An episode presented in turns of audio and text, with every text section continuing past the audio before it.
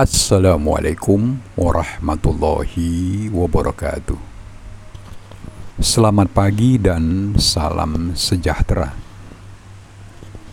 Sekitar tiga tahun yang lalu, Konsil Kedokteran Indonesia atau KKI mengeluarkan sebuah peraturan bernomor 54 tahun 2018 yang mengatur tentang registrasi kualifikasi tambahan bagi dokter spesialis dan dokter gigi spesialis. Peraturan ini menarik, sebab dengan peraturan baru ini, dokter spesialis yang telah lulus dari pendidikan subspesialis maupun fellowship diwajibkan untuk melakukan registrasi kembali di KKI. Setelah registrasi pertama, untuk mendapatkan surat tanda registrasi atau STR pada saat selesai pendidikan spesialis.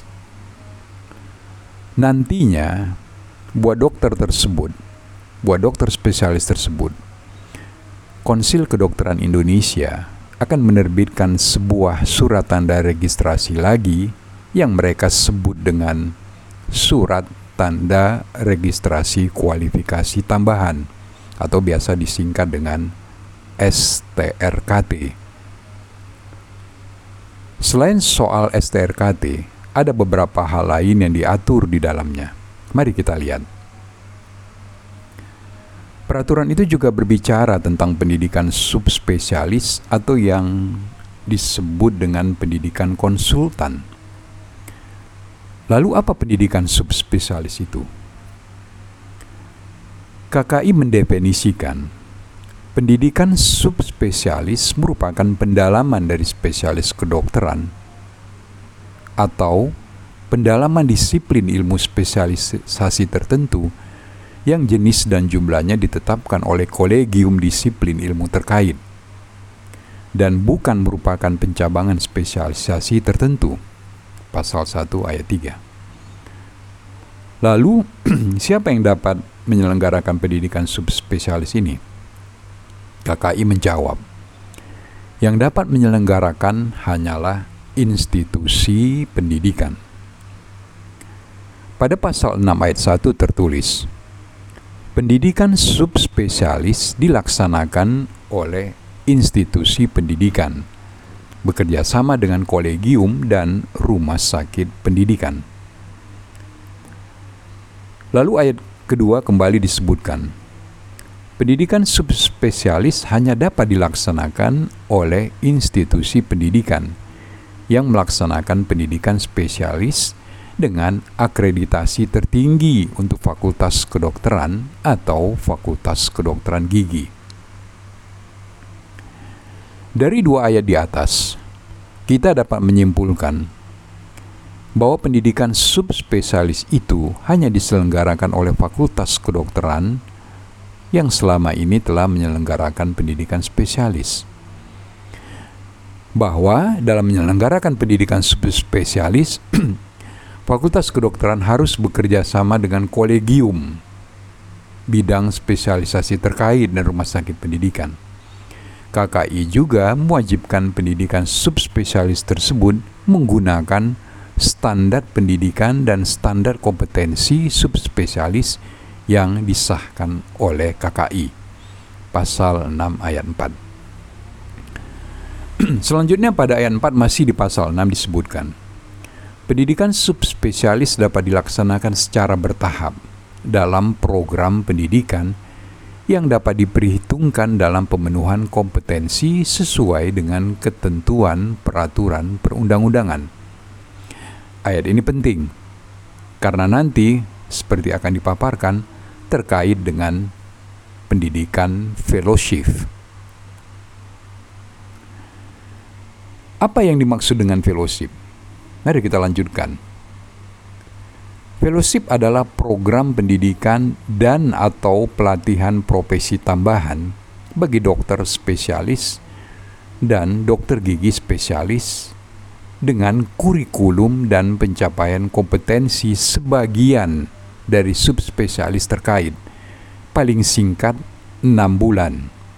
Pasal 1 ayat 3. Nah, jadi kurikulum dan pencapaian kompetensi dari pendidikan fellowship adalah sebagian dari kurikulum maupun pencapaian kompetensi dari pendidikan subspesialis. Kita garis bawahi kata-kata sebagian dari subspesialis. Narasi sebagian subspesialis diuraikan lebih lanjut di dalam bagian ketiga tentang pendidikan fellowship di pasal 7. Pada ayat 1 tertulis, Tahapan pendidikan subspesialis sebagaimana dimaksud dalam pasal 6 ayat 5 dapat diselenggarakan per modul sesuai dengan kebutuhan pelayanan. Lalu pada ayat 2 tercantum, modul pendidikan sebagaimana dimaksud pasal 7 ayat 1 dapat diberikan dalam pendidikan fellowship. Nah, sampai di sini kesimpulan kita terhadap uraian di atas adalah bahwa standar pendidikan dan standar kompetensi fellowship itu adalah sebagian dari standar pendidikan dan kompetensi dari pendidikan subspesialis. Di dalam pendidikan fellowship diberikan modul pendidikan yang merupakan bagian dari tahapan pendidikan subspesialis. Mungkin kalau harus menyebutkan contoh, kita ambil misalnya pendidikan fellowship medical retina yang merupakan sebagian dari tahapan pendidikan subspesialis vitreoretina atau fellowship surgical retina itu adalah bagian dari pendidikan subspesialis vitreoretina dan seterusnya.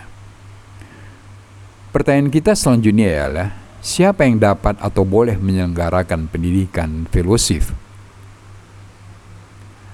Secara eksplisit memang tidak disebutkan di dalam peraturan KKI tersebut. Nah, tapi coba kita lihat beberapa ayat di dalam peraturan tersebut. Pada pasal 7 ayat 4 disebutkan, lulusan fellowship mendapatkan sertifikat kompetensi atau serkom oleh kolegium. Misalnya Kolegium Ilmu Kesehatan Mata Indonesia atau KIKMI sesuai dengan standar kompetensi modul pendidikannya. Pasal 7 ayat 6 KKI dapat menerbitkan surat tanda registrasi kualifikasi tambahan atau STRKT setelah dokter spesialis dan dokter gigi spesialis menyelesaikan program pendidikan fellowship. Pasal 8 Program pendidikan fellowship sebagaimana dimaksud pada ayat 1 itu dilaksanakan di rumah sakit pendidikan dengan akreditasi tertinggi. Jadi menurut saya ke depannya nanti usai pengurusan surat tanda registrasi kualifikasi tambahan atau STRKT pemutihan yang saat ini sedang dilaksanakan maka fellowship hanya dapat diselenggarakan oleh institusi pendidikan yang bekerja sama dengan KIKMI dan rumah sakit pendidikan dengan waktu atau masanya minimal paling sedikit adalah enam bulan. Demikian penjelasan tentang surat tanda registrasi kualifikasi tambahan atau STRKT. Wassalamualaikum warahmatullahi wabarakatuh.